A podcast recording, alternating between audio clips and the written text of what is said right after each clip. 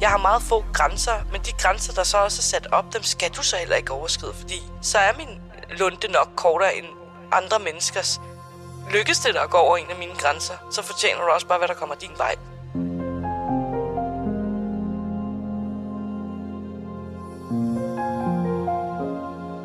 Som udgangspunkt bliver vi født ens. Men 4% af os vil udvikle dyssocial personlighedsstruktur og altså være psykopater. Nogle af dem kan være aggressive og voldelige, og enkelte står bag nogle af Danmarks historiens mest makabre drabsager. Hvem er de mennesker, der er psykopater? Hvorfor er de voldelige? Hvad rummer de? Hvad gemmer der sig bag deres facade? Og hvordan er det at leve som psykopat? I denne podcastserie Spørg Psykopaten går vi helt tæt på de mennesker, der er psykopater. Vi taler med to af dem, som har sagt ja til at give os et indblik i deres liv og tanker. Og så har de indvillet i at svare på spørgsmål, som I har sendt til os. I podcasten medvirker også chefpsykolog fra Psykiatrisk Center St. Hans, Tine Vøbe. Hun er en af Danmarks førende eksperter i psykopati. Mit navn er Christina Antivakis. Velkommen til Spørg Psykopaten. Hej Brian, hej Sheila, så er vi samlet igen. I er her, fordi I er psykopater og har sagt ja til at svare på nogle spørgsmål om, hvordan det er at være dyssocial. Brian, jeg har tidligere nævnt, at øh, det ikke er dit rigtige navn, vi bruger. Du er anonym, men jeg kender selvfølgelig din rigtige identitet. I den her episode skal vi tale om den kriminelle psykopat. De er kendetegnet ved at være impulsiv og aggressiv. Det kommer retspsykolog Tine Vøbe til at uddybe. Og så skal vi heller ikke snydes for de spørgsmål, som lytterne har sendt ind. Sidst i dag, så skal vi tage fat i dem og zoome ind på jeres liv som psykopater. Inden vi taler om den kriminelle psykopat, så skal jeg lige høre jer. Vores samfund er jo bygget op omkring regler og love, som vi alle sammen skal følge. Men hvordan har I det med dem? Følger I dem? Bestemt. Selvfølgelig.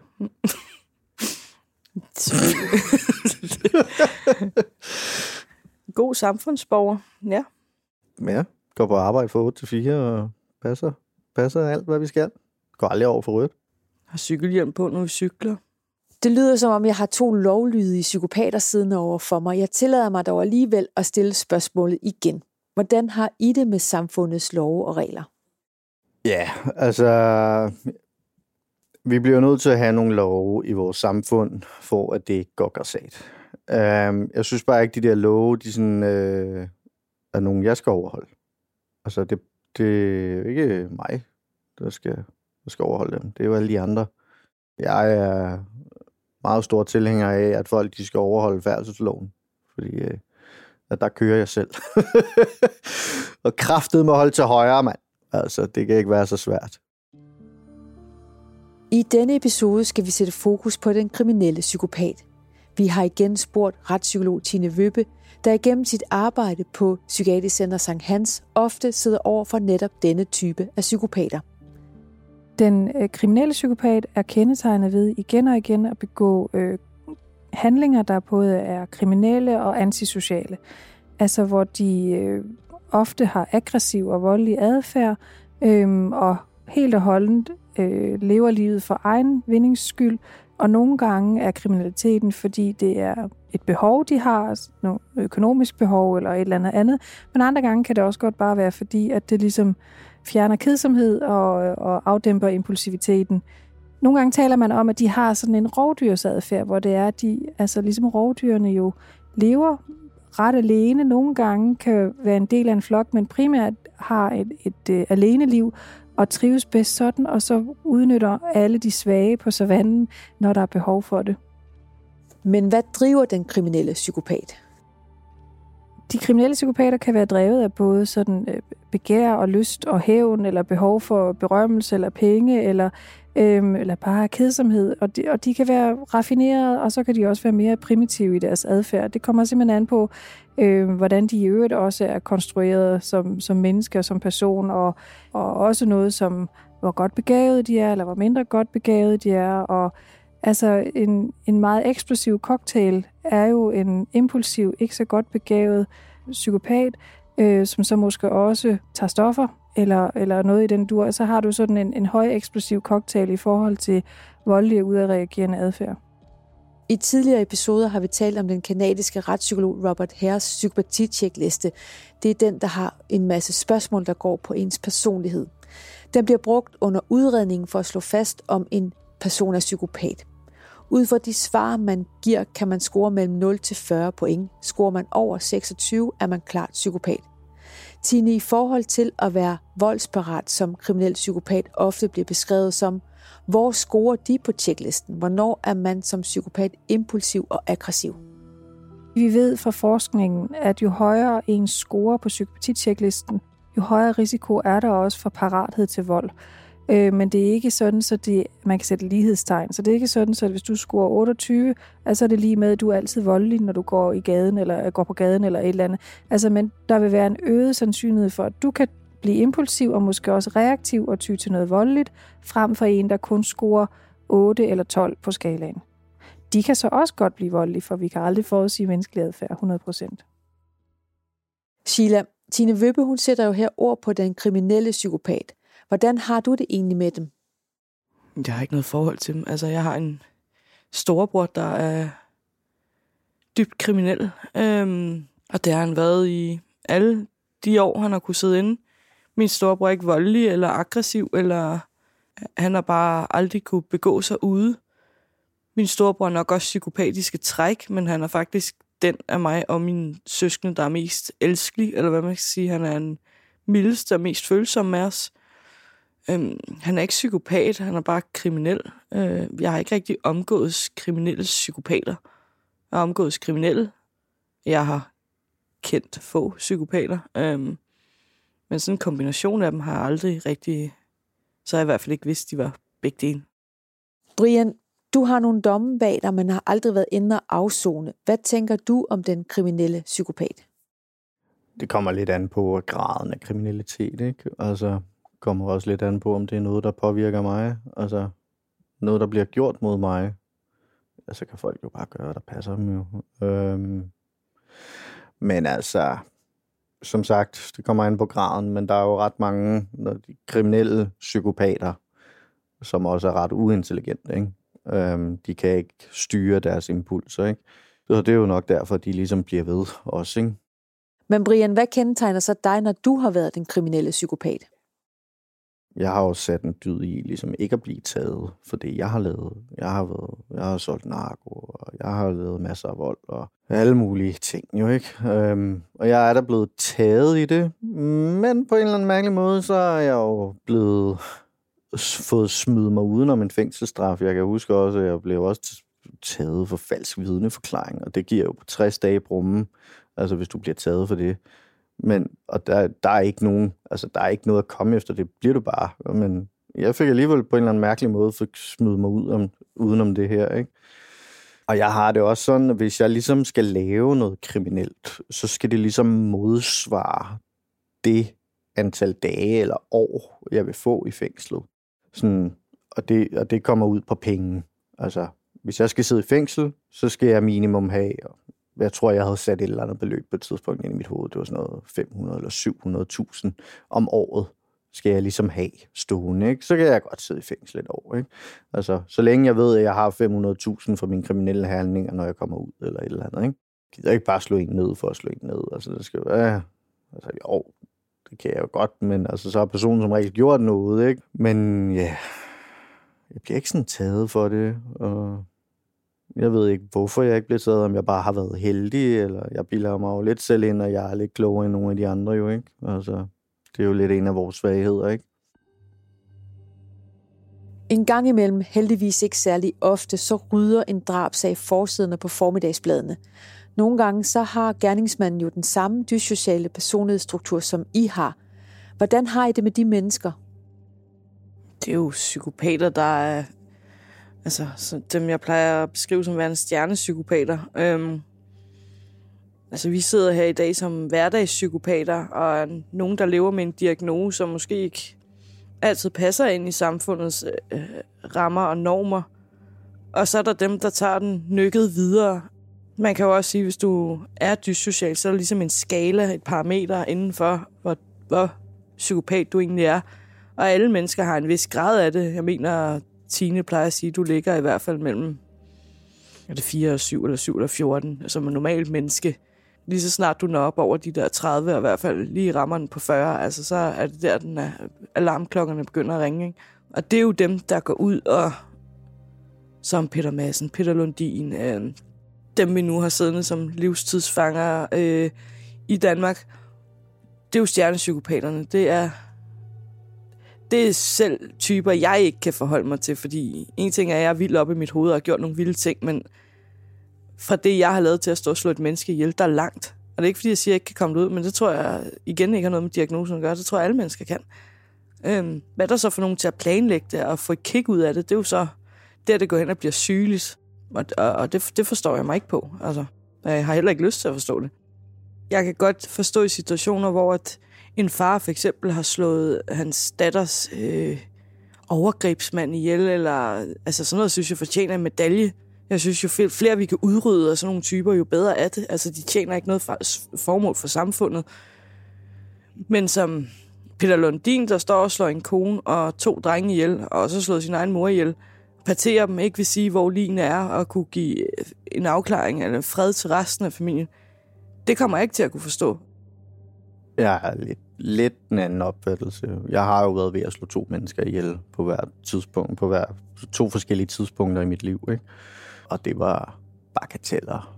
Du ved, den ene stod og fægtede lidt med en kniv foran mit ansigt, og den anden havde bare talt grimt. Ikke? Altså sådan, det kommer jo an på, hvorfor han har slået den her person ihjel, tænker jeg. Altså, jeg kendte også en, der havde slået sin stedfar ihjel, fordi han havde tævet sin mor, øh, eller tævet hans mor.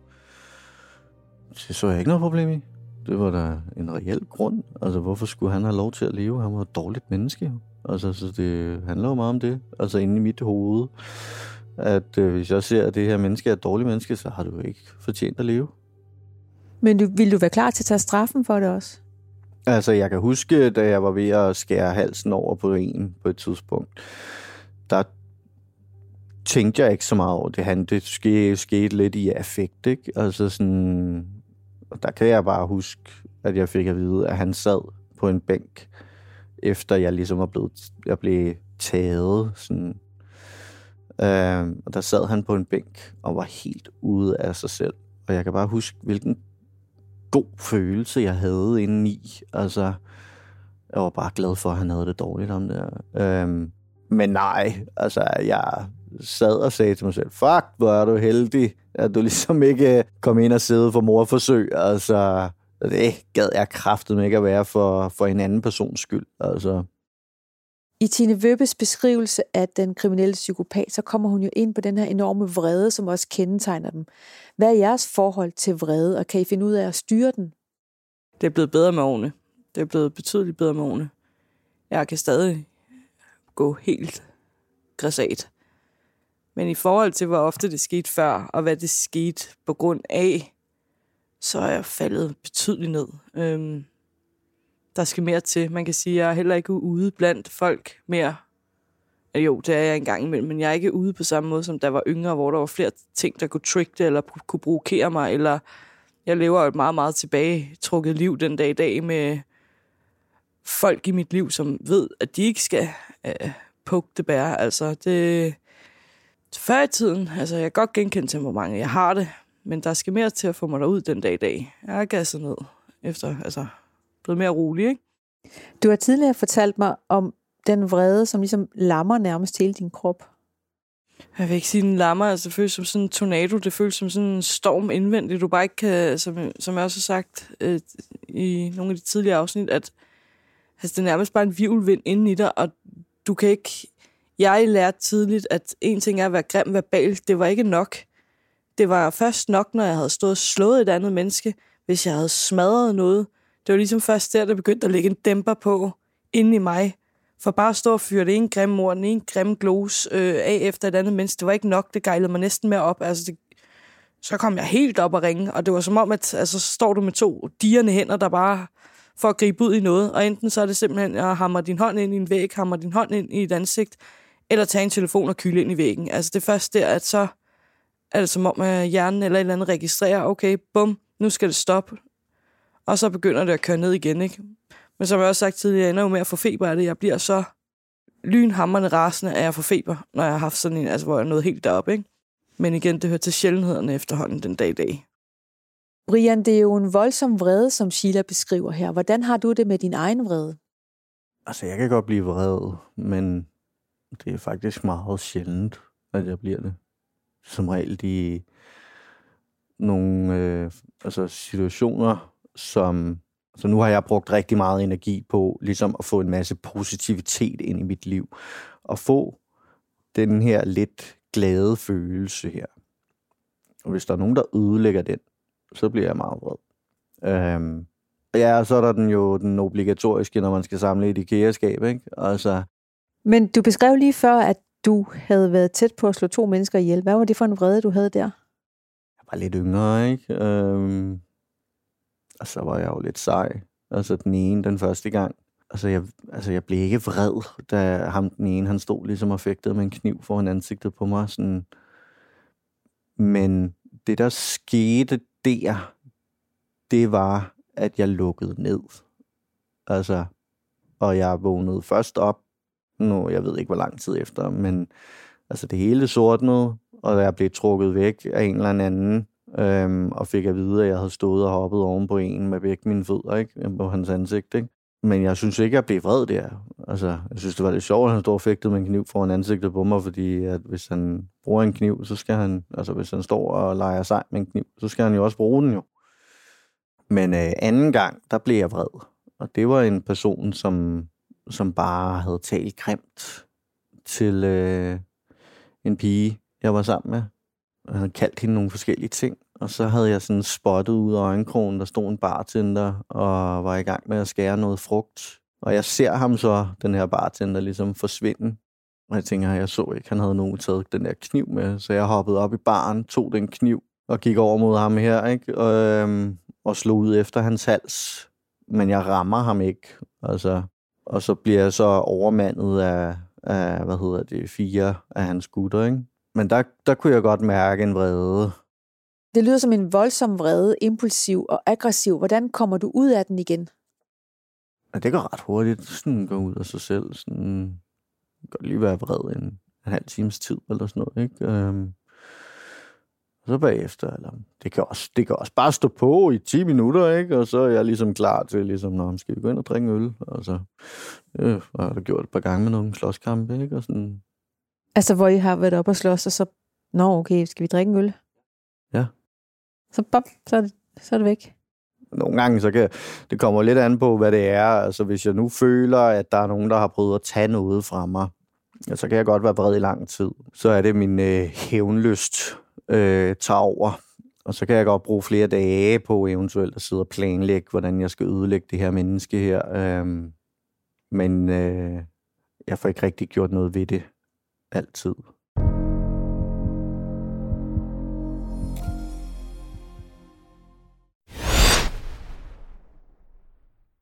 Gør dig klar til episke film med et episk tilbud. Nu for en tidsbegrænset periode får du Disney Plus for kun 19 kroner per måned i 3 måneder. Tilbuddet gælder til og med 14. marts for standard med reklamer. Tilmeld dig nu for kun 19 kroner per måned i 3 måneder. Disney Plus. Mere end du forventer. Tilbuddet gælder for kunder uden et aktivt abonnement. 18 plus. Fornyes automatisk til 49 kroner per måned. Vilkår gælder.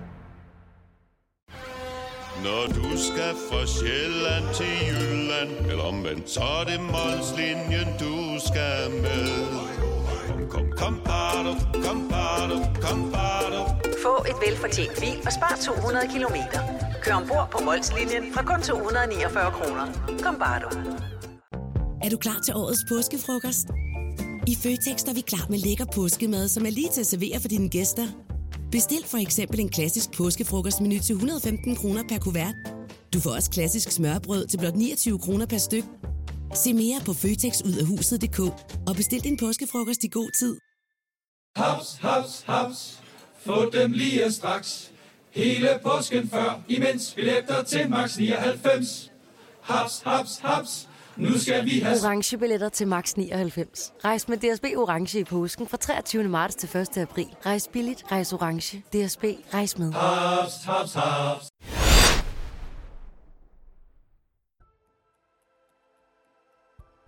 Som de tidligere gange, så har vi modtaget spørgsmål fra lytterne, som I har sagt ja til at svare på. I dag så taler vi jo om den kriminelle psykopat, og der er en, der har skrevet ind med spørgsmål, der går på, om I er farlige.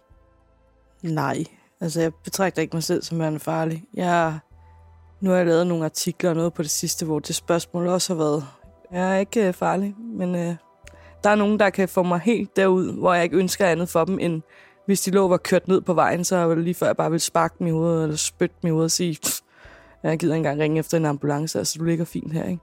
Brian, hvad tænker du? Er du farlig? Jamen, hvornår er man farlig? Altså, jeg synes jo ikke, jeg er farlig. Øhm, jeg har taget nogle dumme valg. Og lavet mig styre af mine impulser, da jeg var yngre. Det gør jeg ikke mere. Jeg er på en selvudviklingsrejse. Men altså, det er jo, altså, man kan vel godt slå sig på mig. Altså, men jeg synes, jeg prøver at gøre alt for, at der ikke er nogen, der slår sig på mig. Men ja, jeg er jo nok lidt hurtigere til at, at falde ind i et, et dårligt mønster, end, øh, end normen er. Men altså, der er sgu da mange mennesker, der, der slår folk ihjel. Og altså også som ikke er psykopater, ikke? Altså, så det kan godt være, at man er en my mere farlig end, øh, end gennemsnittet, men øh, altså har man bare en lille smule selvkontrol, så, så, be, så behøver vi ikke at være farlige. Jo. Altså. Vi har også fået et spørgsmål, der går på, hvordan det føles, at psykopater tit fremstilles på en bestemt måde i gyser og krimier. Hmm, det er da skide irriterende. Altså, det er jo irriterende. Altså, man kan sige, at, at nu er vi nogle stykker, der er gået frem. Øhm, faktisk, altså, man kan sige, det starter med Geo. Komikeren Geo står frem med sin far. Jeg følger lidt trop, og så har vi efterfølgende nogen, der begynder at følge trop og stå frem med den her diagnose. Vi skal til nu at starte det rigtige arbejde, fordi nu skal vi til at gøre op med alt det der, vi har netop har set i gyserfilm, i krimier, hvad vi har hørt på tv, hvad vi har læst om. Fordi, og det kan jeg jo se på min egen sager også, lige så snart jeg har lavet en artikel eller et eller andet. Det er sjovt, som når jeg fortæller en historie, så bliver den kortet ned til der, hvor jeg lød voldsom, hvor det lød manipulerende. Men alt det, hvor der ligesom var en optakt op til, at vi nåede dertil, eller noget godt, jeg gjorde, det er jo ikke kommet med, for det er ikke spændende. Så det er simpelthen en samfundsting, at vi skal til at ændre det der med, at vi kun vil høre det dårlige, at det er det, der er det spændende. Vi vil ikke høre det gode om, om det at være psykopat. Så det, det er jo en hel debat, vi skal til liv, så det er svært, fordi medierne har stillet det så sort-hvidt op. Og nu prøver vi ligesom at skabe nuancer i det her.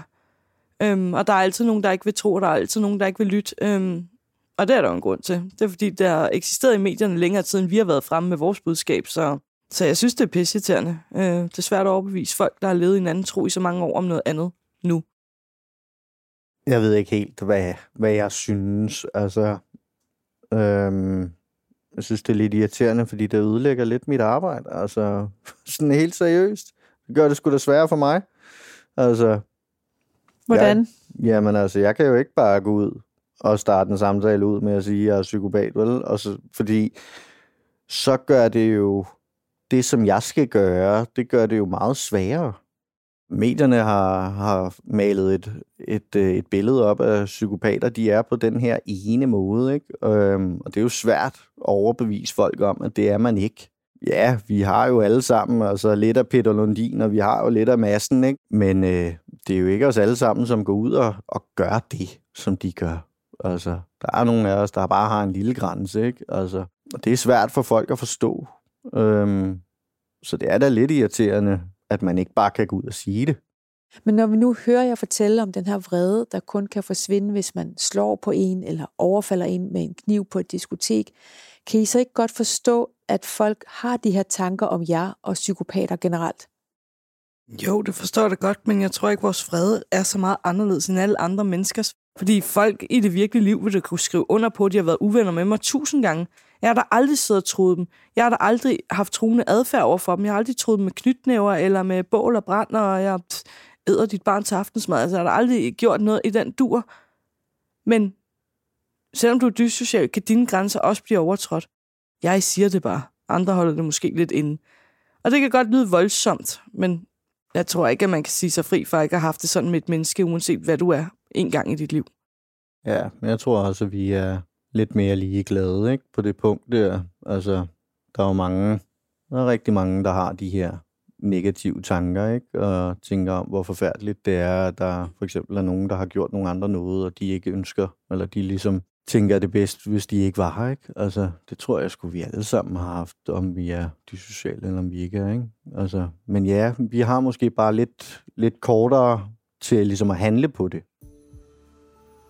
Og det er faktisk et spørgsmål, som en af vores lyttere har skrevet ind med. Er jeres grænser lettere at overskride? Spurgt på en anden måde, er I lettere at krænke? Der skal meget til at chokere mig, der skal meget til at krænke mig.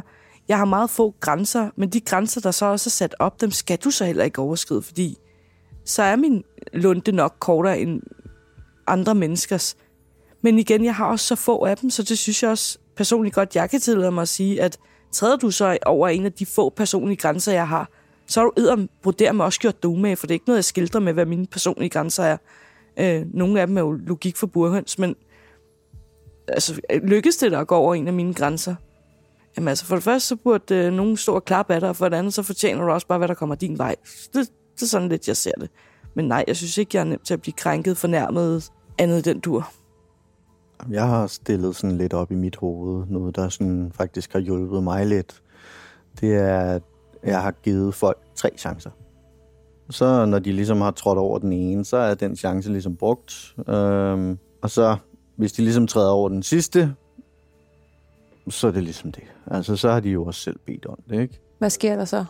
Det kan være alt fra, at jeg bare ligesom smider personen ud af livet, til at øh, jeg bliver sur på personen og gør noget, ikke? Altså, men altså, som regel så når folk lidt at, at gå, øh, inden de har brugt alle tre chancer, ikke? Eller så har jeg ligesom valgt at gå selv, inden de har brugt den sidste chance, eller et eller andet, ikke? Jeg har så en, der har trådt over mine chancer mange gange, som stadigvæk får lov til det den dag i dag. Det er min kammerat, ikke? Og gør noget, er det, sådan, er det så vold, eller hvad kan det være?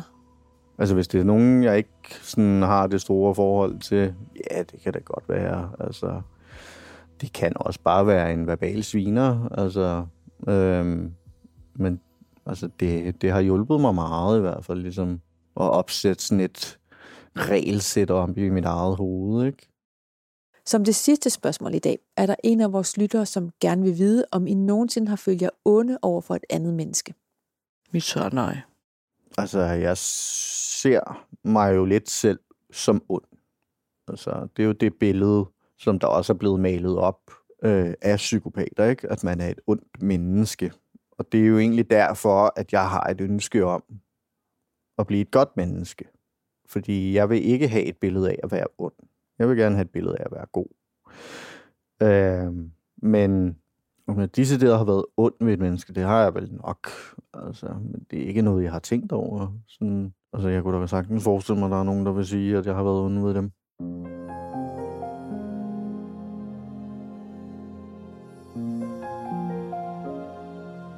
Det bliver det sidste ord for i dag. Tak fordi I vil være med og give os et indblik i, hvordan det er at være psykopat. Næste gang så skal vi tale om, der findes en måde at behandle psykopati på, hvad man gør, hvis man er i forhold med en psykopat og gerne vil ud af det. Retspsykolog Tine Vøbe er med os igen, og så er der selvfølgelig også en masse spørgsmål, som I skal svare på. Dagens episode var skrevet og tilrettelagt af mig, Christina Antivakis. Musik er potmusik.dk. Klippet af Rasmus Svinger og produceret af Bauer Media og True Crime Agency. Tak fordi du lyttede med.